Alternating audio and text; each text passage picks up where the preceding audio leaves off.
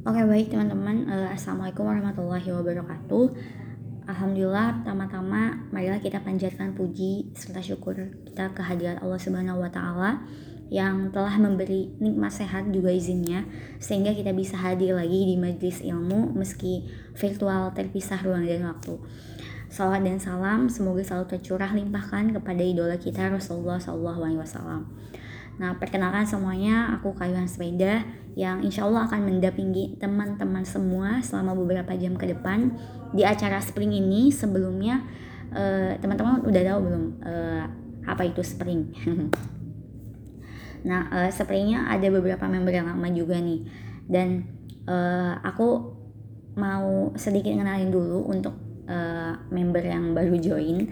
Jadi Spring itu kepanjangannya adalah Semerbak Inspirasi Ramadan Karim. Ya meskipun agak maksain juga sih. Tapi uh, ini merupakan kegiatan dari kayuan sepeda untuk ketiga kalinya selama bulan Ramadan dan uh, dulu itu agendanya hampir tiap hari. Jadi kayak mentoring berseri gitu. Dan kemarin sama dua tahun itu vakum uh, enggak ada sama sekali uh, si spring ini karena mungkin uh, apa ya efek pandemi kemudian apa ya dengan segala huru hara masalahnya pokoknya uh, dan tapi alhamdulillah ya qadarullah uh, atas izinnya Allah mudahkan lagi untuk bisa jadi jembatan kebaikan buat teman-teman semua. Doain ya semoga kayuan sepeda bisa istiqomah untuk uh, selalu bisa ngadain spring di bulan Ramadan. Bahkan ya semoga juga bisa uh, di bulan selain Ramadan. Amin amin ya Allah amin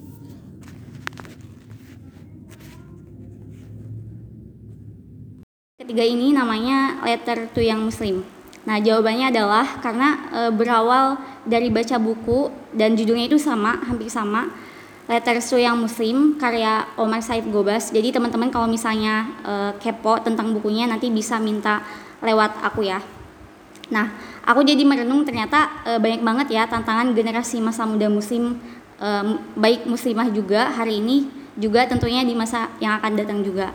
Nah, selain itu karena di abad 21 ini perkembangan digital itu e, menjadi seperti dua sisi koin ya. Jika kita tidak bisa memfilter semua informasi, maka akan menjatuhkan diri kita bahkan dampaknya juga akan besar juga.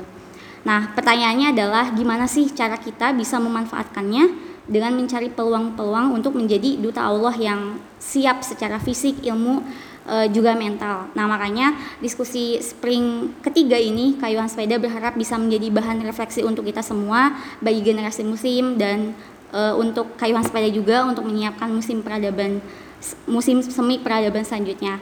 Kenapa musim semi? Nah, jawabannya insya Allah akan dibahas di sesi kedua. Oke, okay.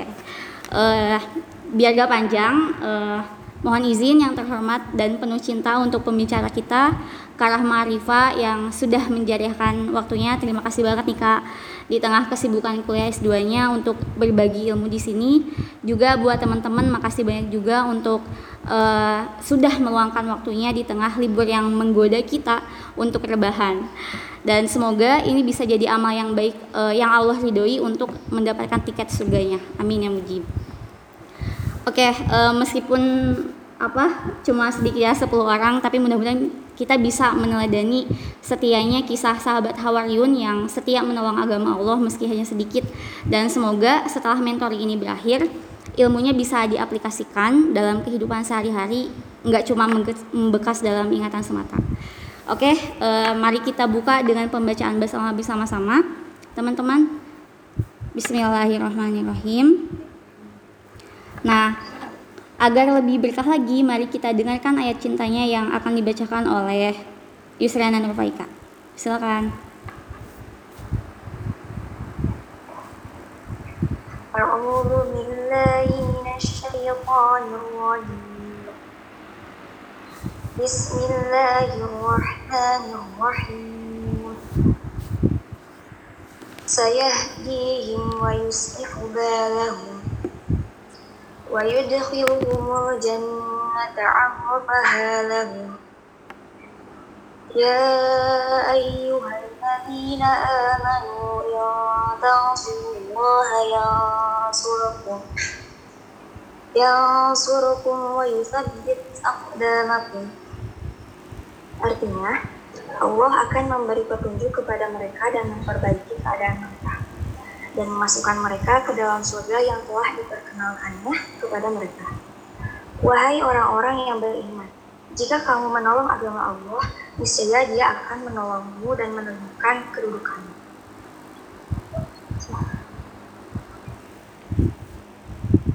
Sadaqallahul azim, maha benar Allah dengan segala firman-Nya. Terima kasih untuk Kayu Sriana yang sudah membacakan surat cintanya. Semoga dengan pembacaan ayat suci Al-Quran bisa menambah keberkahan pertemuan kita hari ini. Amin. Oke, sebelum kita ngobrol santai nih sama pematerinya, eh, alangkah lebih baiknya kita ta'aruf dulu ya sama pemateri kece satu ini. Nah, sebentar, saya akan men-share dulu CV beliau, membacakan CV beliau.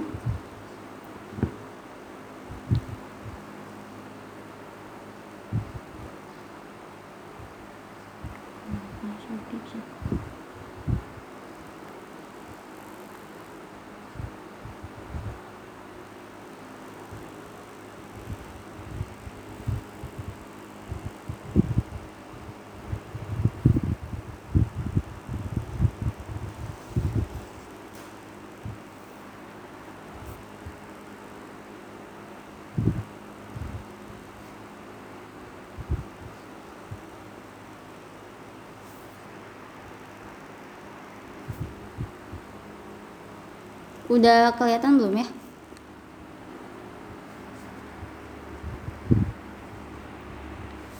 Udah ya? Halo. Oke. Oke, bismillah. Jadi uh, beliau ini adalah Karah Ma'arifah. Uh, dulu beliau S1-nya di UIN Sunan Gunung Jati, uh, sarjana psikolog dan sekarang sedang menempuh uh, S2 di Universitas Indonesia dengan mengambil sains psikologi perkembangan. Nah, berikut adalah tentang dirinya Kayuhan eh Kak Rahma Arifah, kemudian riwayat pekerjaannya sebagai yang, yang paling terbaru sebagai bimbingan konseling dan pernah berjuang bersama-sama juga bersama Kak, Kak Arifah Rahma. Kemudian uh, staff recruiter juga freelancer tester. Lalu uh, saat di kampus UIN Sunan Gunung Jati Bandung pernah menjadi asisten laboratorium. Nah, berikut uh, pengalaman organisasinya sebagai kadep dari Data Center Himapas UI 2021, lalu anggota tim syiar sosial keutamaan Purkosnas di tahun 2021 juga, lalu bendahara di bidang pembinaan Himapas UI 2020 dan bendahara umum ruang mengabdi di tahun 2016 sampai 2019. Untuk uh, nomor kontaknya nanti bisa teman-teman screenshot atau kalau misalnya mau uh, berteman di sosial media bisa di Instagram. Ada juga di tagnya Karah Ma'rifah. Oke mungkin uh, sekian pembacaan CV-nya kita langsung ke materi untuk mengefisienkan waktu. Silakan Karah Ma. Iya uh, suara saya terdengar? Terdengar kak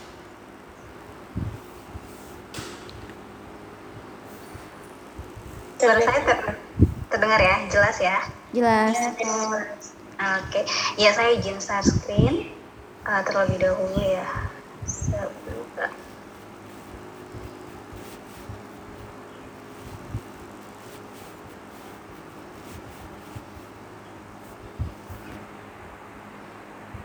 Oke, okay. uh, sudah terlihat share screen-nya? Belum, Kak. Masih, Belum, ya? proses. Oke, okay, sebentar ya.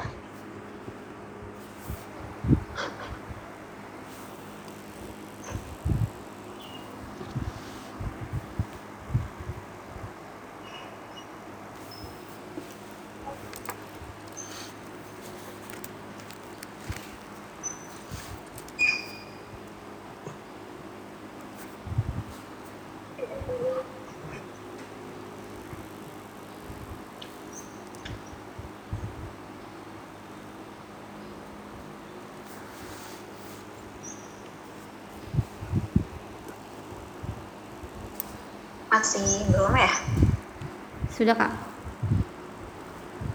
Sudah. Oke. Tapi udah ini belum? Udah full screen belum ya? Belum kak. Belum. Oke, sebentar.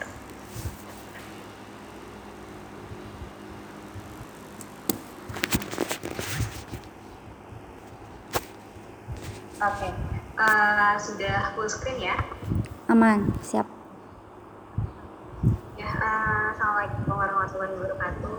Waalaikumsalam warahmatullahi wabarakatuh.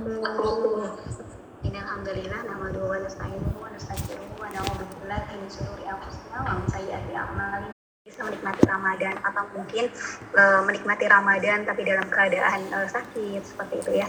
Ya semoga uh, yang sakit gitu ya atau yang tidak bisa memaksimalkan Ramadan saat ini semoga Allah mudahkan gitu ya untuk bisa memaksimalkan ibadah-ibadah di Ramadan begitu juga dengan kita gitu ya dengan uh, kita yang uh, mungkin badan masih sehat gitu ya uh, waktu masih luang kemudian uh, um, masih mudah ya masih mudah lah ya dalam segala hal gitu ya semoga kita juga bisa memaksimalkan gitu ya Ramadan uh, di bulan ini gitu. Amin amin ya robbal alamin. Kemudian uh, puji dan syukur kita panjatkan kepada Allah Subhanahu wa taala yang berkat uh, berkat Allah lah gitu ya sampai saat ini uh, kita masih uh, bertemu gitu ya di di pertemuan sekarang pada hari ini jam hari ini gitu ya. Kemudian kita juga masih bisa ngobrol dengan teman-teman gitu ya. Masih bisa merasa aman gitu ya untuk menuntut ilmu gitu ya di di mana sebagian orang mungkin kayak teman-teman kita di Palestina, saudara-saudara di Palestina bahkan untuk sholat aja mereka nggak tenang seperti itu ya teman-teman gitu ya. Kemudian sholawat serta salam kita panjatkan kepada Nabi Muhammad Shallallahu Alaihi Wasallam yang berkat perjuangan beliau lah gitu ya kita e, bisa merasakan kenikmatan iman, indahnya ukhuwah, e, nikmatnya gitu ya aturan-aturan Islam seperti itu gitu. Karena saya sempat e, kemarin-kemarin mendengar gitu ya uh, teman-teman bahwa Rasulullah gitu ya memang uh, nikmatnya kita beribadah sekarang ya itu atas uh, uh, intinya ya pasti atas izin Allah gitu pastinya. Tapi juga atas perjuangan Rasulullah gitu ya uh, perjuangan Rasulullah di mana uh, apa ya sakit Rasulullah itu katanya jadi uh, 30 derajat atau mungkin eh, oh 30 derajat sorry 40 derajat itu udah panas banget ya uh, ya teman-teman ya gitu. Nah Rasulullah bisa jadi lebih daripada daripada itu gitu ya. Kemudian gitu ya kalau kita ngerasa bahwa sekarang uh, kita uh, merasa kesusahan gitu terhadap tugas-tugas atau peran-peran yang kita emban gitu Rasulullah lebih kesusahan lagi gitu ya bayangin gitu ya Rasulullah harus mengemban menjadi nabi gitu di saat orang lain uh, tidak percaya terhadap diri dia terhadap uh, beliau gitu ya. Beliau harus uh, apa ya namanya tuh menanggung sendiri gitu ya. Uh, menanggung sendiri untuk apa ya uh, untuk uh, uh, agar gitu kita umatnya bisa merasakan kayak keindahan Islam gitu ya. Untuk me memperluas Islam seperti itu teman-teman gitu. Uh, saat itu di, di mana saat itu Rasulullah ya yang hanya percaya cuma Khadijah aja. Gitu. Kebayang nggak ya sih mesti beratnya gitu ya saat keluarganya juga nggak percaya sama beliau gitu. Tapi beliau tetap harus uh, memperjuangkan memperluas uh, memperluas Islam. Yang mana mungkin tugas kita uh, sekarang paling uh, sulit gitu ya terhadap tugas-tugas kuliah mungkin atau tugas-tugas pekerjaan gitu ya atau mungkin uh, sedikit les gitu ya dengan dengan teman atau dengan keluarga dan sebagainya. Di mana Rasulullah kelasnya bukan hanya dengan keluarga doang gitu ya tapi seluruh masyarakat Mekah gitu ya. Bahkan sampai ada membenci sampai memukul dan sebagainya. Jadi penderitaan-penderitaan yang kita uh, lalui gitu ya selama beberapa puluh tahun ini gitu teman-teman gitu ya atau beberapa belas tahun ini Rasulullah udah melaluinya itu. Jadi seakan seakan-akan uh, Allah itu ya gitu maksudnya ingin ingin uh, mempersiapkan Rasulullah untuk uh, merasakan gitu ya, merasakan uh, apa ya kesakitan yang umatnya uh, yang umatnya rasakan gitu ya, karena uh, sehingga beliau sehingga beliau bisa lebih berempati gitu ya terhadap terhadap umatnya gitu. Kalau misalkan ada teman-teman yang sedang merasakan kehilangan Rasulullah, kehil uh, kurang kehilangannya apa gitu ya di umur di usia kecil kecilnya beliau udah kehilangan ibunda udah kehilangan ayahnya gitu ya kemudian pas uh, lagi lagi butuh-butuhnya uh, apa sih support gitu ya beliau kehilangan istrinya gitu. Kemudian kehilangan paman kehilangan anak-anaknya gitu. Nah sehingga uh, dari situ gitu ya mungkin uh, kita Allah ingin memperlihatkan kita gitu. Allah ingin memberikan kita role model bahwa uh, sekeras apa pun gitu ya uh, perjalanan kita pengalaman kita gitu masih ada yang jauh lebih berat dan uh, dan dan beliau gitu ya dan beliau itu masih tetap bisa berpegang teguh uh, terhadap ajaran-ajaran uh, Allah seperti itu. Nah, dan bisa jadi itu adalah salah satu kunci kenapa sampai akhirnya gitu ya beliau masih tetap bisa bertahan gitu ya, bisa kuat seperti itu ya karena masih berpegang uh, terhadap ajaran ajaran Allah seperti itu teman-teman. Gitu ya. Uh, jadi ya untuk uh, untuk pertemuan kita di sini semoga uh, ini bisa menjadi insight buat uh, saya khususnya dan buat teman-teman semua. Jadi ini lebih ke ngobrol-ngobrol aja ya teman-teman ya gitu ya. Ngobrol-ngobrol biasa aja. Di sini saya bukan bukan karena lebih tahu atau bukan karena lebih soleh gitu ya. Atau bukan karena lebih gitu dari teman-teman tapi karena emang amanah aja gitu. Karena emang di uh, amanah bahwa kan katanya kalau kita memperdalam ilmu gitu ya ya kita punya punya kewajiban untuk menyebarkannya gitu. Jadi ini bukan bukan karena saya lebih paham gitu ya teman-teman atau bukan karena saya sudah melakukan gitu. Saya sedang berusaha dan semoga dengan jalan ini Allah bisa mempermudah kita untuk bisa mengerjakan gitu ya ilmu-ilmu yang sudah kita pelajari seperti itu. Jadi kalau misalkan ada teman-teman nih gitu ya e, mau diskusi di tengah mungkin di tengah-tengah obrolan kita boleh banget ya teman-teman gitu itu uh, nah uh, tadi Elca Eca minta uh, membahas tentang bagaimana gitu kesehatan mental di abad 21 ini khususnya untuk orang-orang uh, muslim gitu ya.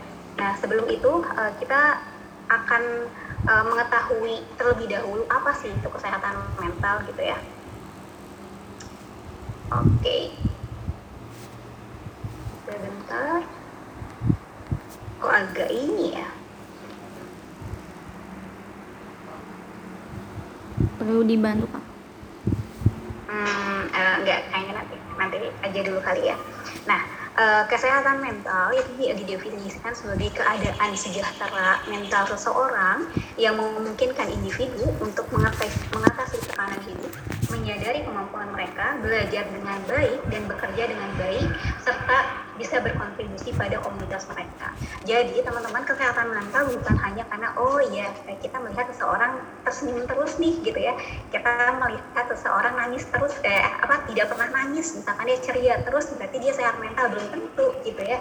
Itu jadi ya kita ada tekanan bahkan anak kecil pun untuk levelnya pasti ada masa-masa tekanan tertentu gitu ya ada ujian-ujian tertentu yang bisa jadi untuk levelnya itu adalah salah satu tekanan gitu ya buat ya apalagi kita yang sudah uh, dewasa gitu ya pengalaman-pengalaman kemudian kejadian-kejadian pasti lebih uh, lebih kompleks gitu ya tapi uh, ya di, dibekali juga sama Allah gitu ya Allah tuh adil dibekali juga sama Allah dengan kemampuan yang bertambah pula pasti gitu ya. Kemudian yang kedua yang kedua adalah menyadari kemampuan mereka. Jadi salah satu orang yang eh, sehat mental indikatornya adalah mereka bisa menyadari kemampuan dirinya sendiri gitu ya. Mereka bisa menyadari potensi yang ada di dalam diri mereka sendiri gitu. Kemudian uh, yang ketiga adalah mereka bisa belajar dengan baik maupun bekerja dengan baik. Maksud belajar dengan baik di sini adalah atau bekerja dengan baik di sini adalah memaksimalkan potensi dia dalam belajar memaksimalkan potensi uh, dia di dalam pekerjaan mungkin ada beberapa teman misalkan ya atau ada beberapa kita deh gitu ya kalau lagi stres atau lagi mungkin apa ya kalau uh, ya lagi stres lah intinya gitu ya. Mungkin kalau lagi stres mungkin ada beberapa sebagian dari kita yang uh, mungkin tidak bisa mengontrol gitu ya atau mengendalikan diri misalkan. Atau misalkan uh, lagi apa ya hmm, misalkan kita lagi barefoot nih, aduh jadi males nih uh, ngerjain ngerjain tugas misalkan seperti itu hal-hal yang seperti itu ya teman-teman ya. Jadi orang-orang yang sehat mental adalah uh, indikatornya adalah apa pun yang terjadi gitu ya, misalkan se uh, apa ya mungkin uh, walaupun dalam keadaan tertekan dia bisa mengatasi hal itu. Gitu teman-teman. Itu menurut WHO uh, tahun 2022 ya. Jadi memang udah di udah diupdate oleh WHO seperti itu Nah, pada intinya adalah sebenarnya kesehatan mental tentang bagaimana individu berpikir, merasa dan berperi, dan berperilaku. Jadi tiga ada tiga hal teman-teman. Ada ada tadi ada pikiran kita, kemudian ada perasaan kita, kemudian yang ketiga adalah perilaku kita e, seperti apa. Karena dari pikiran, dari perasaan itu bisa e, diperlihatkan itu dalam perilaku gitu ya teman-teman ya gitu sehingga harus ada ada kesinkronan nih antara e, perilaku antara e, perasaan juga antara pikiran gitu. Eh, biasanya kalau tiga ini nggak sinkron gitu ya, pasti ada satu hal nggak langsung gangguan pastinya ya teman-teman ya. Pasti ada hal-hal yang nggak enak gitu, nggak nyaman dengan kita. Kayak misalkan kita pikirannya pengen A, tapi kok perasaannya B ya gitu. Pasti kan ada apa namanya tuh ya? Ada Eh, pertanyaan-pertanyaan tersendiri gitu ya di kita oh gini ya kok gitu ya? Ada ketidaknyamannya tersendiri. Sehingga orang-orang yang sehat mental indikatornya adalah tadi selaras gitu ya dalam berpikir dalam merasa juga berperilaku gitu. Terutama untuk perilaku gitu perilaku ini uh, perilakunya itu lebih ke bagaimana dia bisa berperilaku dengan tepat gitu ya tepat sesuai dengan uh, tuntutan uh, lingkungannya yang pertama kemudian tuntutan dengan, uh, sesuai dengan nilai-nilai yang memang uh, ber, uh, sesuai dengan nilai-nilai yang memang di di apa ya ditampilkan gitu ya oleh lingkungan oleh, oleh lingkungannya gitu. Karena kan e, saat kita berada di lingkungan tertentu biasanya kita dituntut untuk apa ya untuk berperilaku e, tertentu gitu ya teman-teman ya. Kayak misalkan kita di Asia orang yang Asia pasti perilakunya agak sedikit berbeda atau budayanya agak ada uh, sedikit berbeda dengan budaya orang Barat misalkan gitu. Atau jangan jauh-jauh deh orang Sunda dengan orang Jawa misalkan gitu ya. Atau beda beda daerah lah bisa beda daerah padahal bisa jadi sama-sama Sunda misalkan ya tapi kadang beda juga gitu ya perilaku yang ingin perilaku yang menurut mereka uh, sopannya lah gitu ya atau perilaku tidak sopannya kan pasti ada berbeda juga seperti itu. Nah orang yang sehat mental adalah orang yang bisa menyesuaikan perilakunya sesuai dengan lingkungannya seperti itu. Jadi bisa selaras gitu ya dengan lingkungannya. Oke, okay. nah kemudian tadi kan pertanyaannya eh, gimana sih kondisi uh, kesehatan mental gitu ya di abad 2021 ini? Okay. kondisi uh, kondisi kesehatan mental memang semakin tahun, apalagi kemarin dua tahun pandemi ya teman-teman. Jadi pandemi itu memang uh, untuk kesehatan mental itu salah satu hal yang uh, berdampak banget gitu ya. Karena dampaknya sebenarnya bukan uh, bukan hanya pada fisik aja, tapi ada psikologis, kemudian ada finansial juga ya. Jadi emang semua hal itu berdampak, terutama ke uh, kesehatan mental gitu ya. Uh, nah mental gitu. Ini yang disurvei loh ya teman-teman gitu. Kalau mungkin bisa jadi ada yang belum ke survei, eh, ke survei gitu ya, atau mungkin uh, si kandidatnya, eh, oh kandidat subjeknya misalkan nggak ngisi gitu ya. Jadi ini minimal gitu, minimal uh, 970 orang, eh sorry 970 juta orang mengalami gangguan mental. Di mana gitu ya dari 900 70 juta orang itu 52% atau hampir lebih dari setengahnya adalah perempuan dan 40 eh, 47,6% adalah laki-laki. Nah, dari uh, dari 970 juta ini uh, gangguan mental apa saja sih gitu ya yang sering atau yang yang yang yang sering diderita lah ya gitu ya atau yang banyak diderita. Yang pertama adalah sebanyak 31% gitu ya orang mengalami uh, kecemasan gitu ya, gangguan kecemasan. Kemudian 28,9% mengalami uh, gangguan depresi gitu ya, ya teman-teman. Nah ini uh, ada 11,1 persen itu mengalami developmental disorder atau gangguan perkembangan. Misal gangguan perkembangan itu biasanya lebih kayak uh, secara fisik, misalkannya stunting gitu ya, atau uh, ada tapi biasanya lebih ke perkembangan kayak misalkan hmm, apa ya?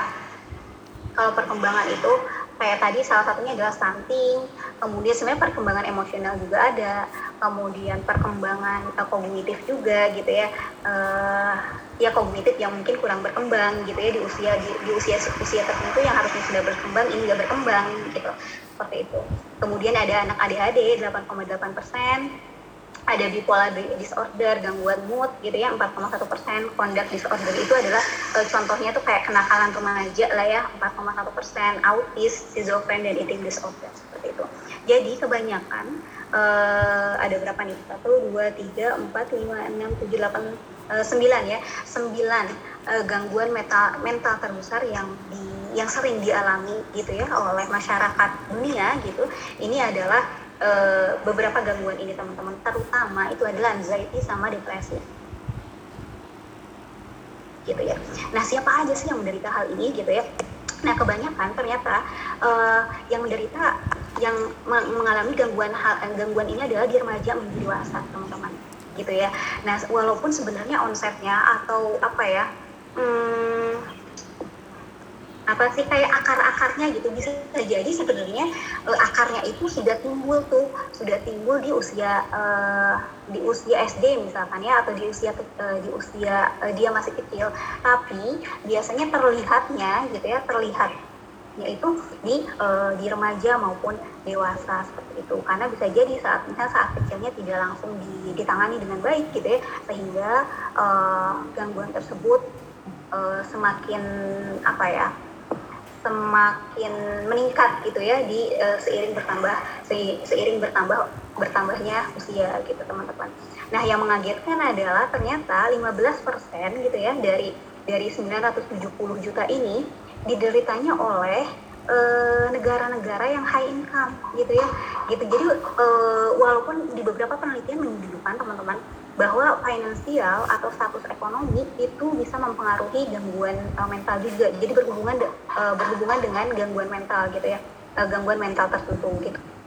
Nah uh, tapi di sini menunjukkan bahwa ternyata di negara 15% loh yang paling tinggi di negara yang high income gitu ya yang justru income-nya tinggi gitu dibanding negara yang uh, yang lower middle income gitu ya. Seharusnya kan uh, logikanya ya ya apa ya uh, negara-negara yang mungkin income-nya kecil ya, ya wajar lah ya gitu ya. Karena memang memang beberapa penelitian dan bahkan sudah banyak penelitian menunjukkan bahwa sosial ekonomi memang berpengaruh gitu ya.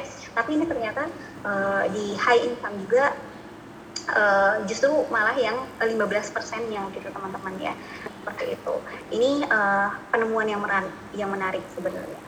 Nah dari beberapa gangguan ini sebenarnya banyak, banyak uh, apa ya kan anxiety kemudian depresi kemudian bipolar itu kan uh, salah satu uh, termasuk ke dalam gangguan emosional ya dan gangguan mood gitu teman-teman. Jadi dari banyak ya uh, dari kesembilan gangguan ini yang banyak diderita bukan diderita ya banyak dialami gitu oleh oleh sebagian masyarakat uh, dunia gitu ternyata banyak banyaknya uh, yang berhubungan dengan uh, emosi gitu teman-teman seperti itu. Oke. Mana nih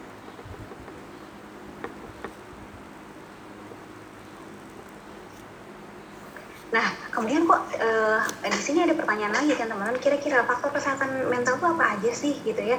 Faktor yang menyebabkan seseorang itu sehat mental atau tidaknya gitu ada banyak faktor sebenarnya. Cuman saya coba rangkum gitu ya. Yang pertama adalah dari individunya. Dari individu juga loh udah banyak banget teman-teman ya bukan hanya tentang fisik aja gitu ya.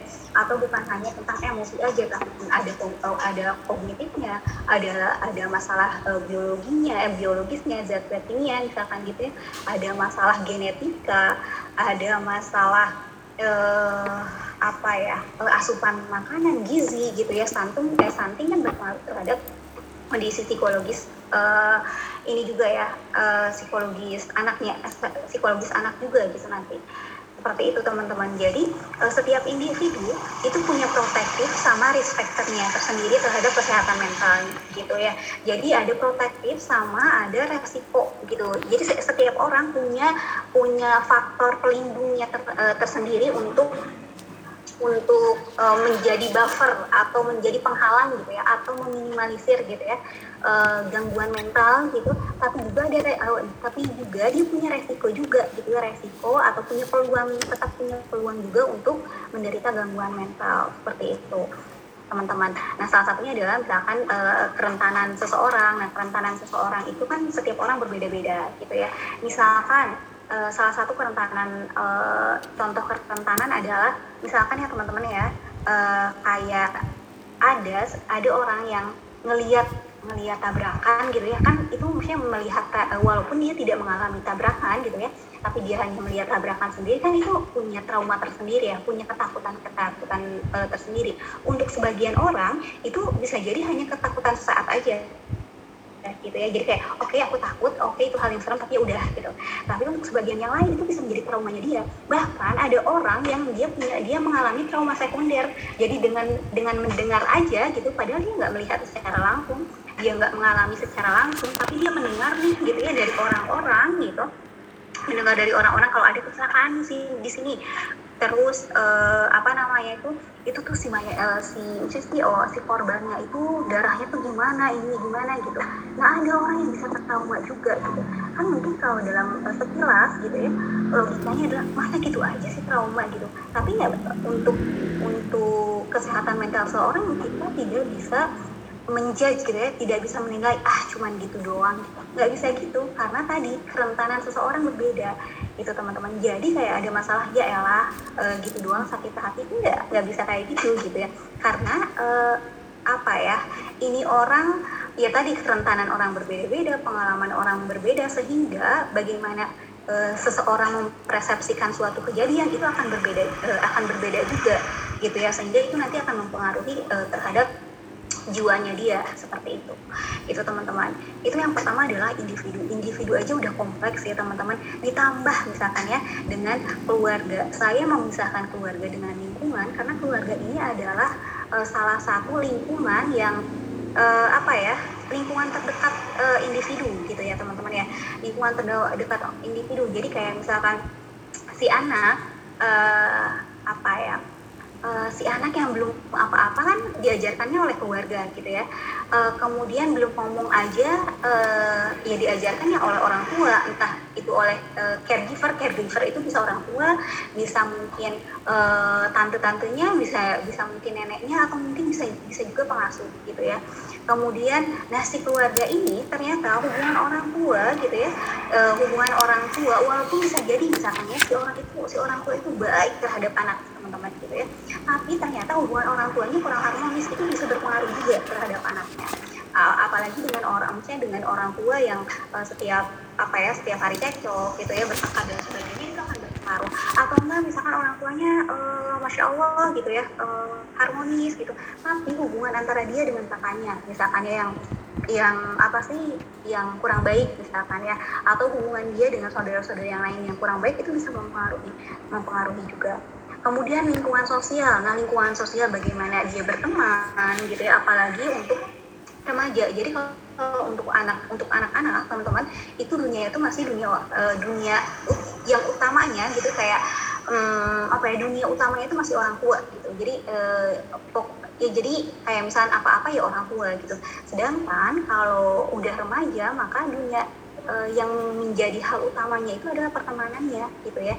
Jadi uh, makanya kenapa remaja uh, remaja itu cenderung kayak ih ikut-ikutan. Temen ya elah gitu doang gitu misalkan ya ngapain sih ikut-ikutan? Padahal udah tahu bahaya tapi tetap ikutan uh, tetap ikut-ikutan aja gitu. Ya karena itu tadi karena uh, remaja memang dunia uh, apa ya ya dunia dunianya itu ya pertemanannya dia gitu. Jadi bagaimana dia berusaha untuk diterima gitu ya oleh uh, lingkungannya uh, terutama oleh lingkungan pertemanannya pertemanannya seperti itu. Kemudian mungkin nanti kita sudah dewasa bekerja gitu ya lingkungan pekerjaan pasti akan mempengaruhi. Kemudian budaya budaya kita bisa bisa melihat gitu ya misalnya uh, ya Sunda beda Jawa beda. Kemudian bagaimana kita misalkan dari Asia ke terus kita misalkan uh, liburan atau tinggal di di barat pasti akan berbeda juga. Entah itu pola pikirnya entah itu uh, uh, apa ya entah itu perilakunya atau bahkan sampai lifestyle-nya aja berbeda kan biasanya seperti itu gitu. Kemudian lain-lain. Nah lain-lain ini sebenarnya banyak hal gitu ya. Jadi kalau apa ya kalau dibicarakan itu kelihatan sederhana ya teman-teman. Tapi saat udah secara teknis lah intinya ya kalau analisis itu tuh kayak oh uh, kompleks banget gitu. Karena nanti si individunya iya terus lingkungan sosialnya iya keluarganya juga iya gitu nanti akan saling ber apa ya saling beririsan satu sama lain gitu. Terutama kayak geopolitik. Geopolitik ya kayak pemerintahan gitu ya. Terus kayak kayak kemarin covid gitu ya. Covid kan benar-benar berdampak banget gitu ya. Pandemi kemarin berdampak banget pada bukan hanya pada negaranya aja tapi pada per individunya juga gitu ya. Itu bagaimana uh, pengaruhnya pandemi gitu ya terhadap emosinya terhadap uh, finansial gitu. Bahkan terhadap terhadap kognitif juga berpengaruh gitu ya karena kayak bisa jadi kan terlalu banyak di rumah gitu ya. Terus uh, asupan nutrisi yang kurang misalkan ya karena kita tidak bisa keluar dan sebagainya. Seperti itu. Terus uh, pastinya akan berbeda ya kita masyarakat tinggal dengan aman gitu ya di negara yang aman di negara yang nutrisinya tercukupi di negara yang ke mana-mana mudah dengan uh, dengan masyarakat yang ke mana-mana susah gitu ya teman-teman ya kayak kita saudara-saudara kita di Palestina pasti akan pasti akan lebih berbeda ya kondisi uh, mentalnya gitu uh, lebih uh, berbeda di usia teman-teman yang sedang berada di peperangan gitu ya atau di kondisi kondisi yang uh, mungkin setiap apa ya setiap jam malah gitu ya kondisi-kondisi uh, yang stressful seperti itu teman-teman. Tuh, jadi uh, itu uh, ini beberapa faktor kesehatan uh, mental, eh, faktor-faktor yang bisa mempengaruhi kesehatan mental individu seperti itu. Kemudian, sorry kok agak ini ya. Gimana kak, mau aku bantu? Oke, dibantu deh Cap. Kayaknya ini agak ini deh, agak ngelag. Oke. Okay. Uh, saya stop ya coba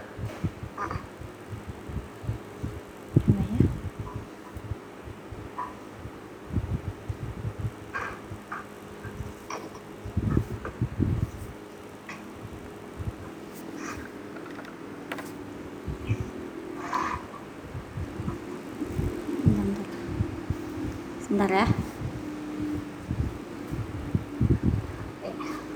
Layar layar HP-nya makanan ya?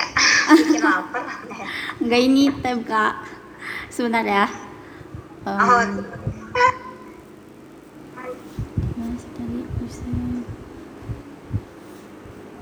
sengaja nguji yang saung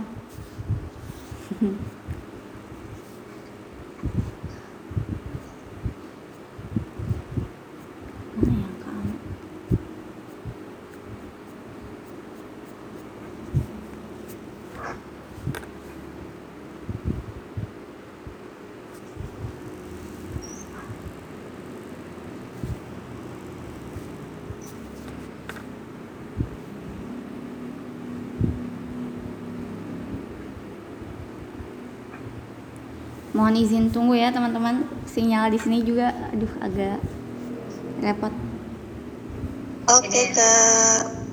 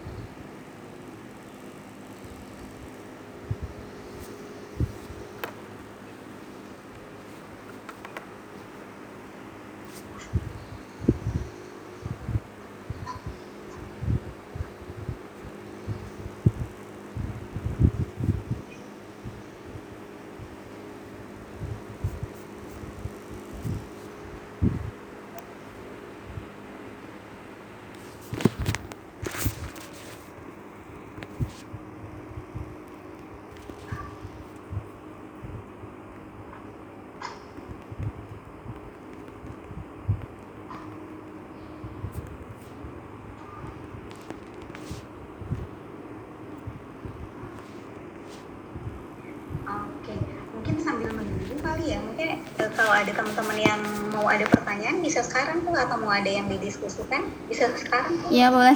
Sambil nunggu sinyal. Ya ampun ini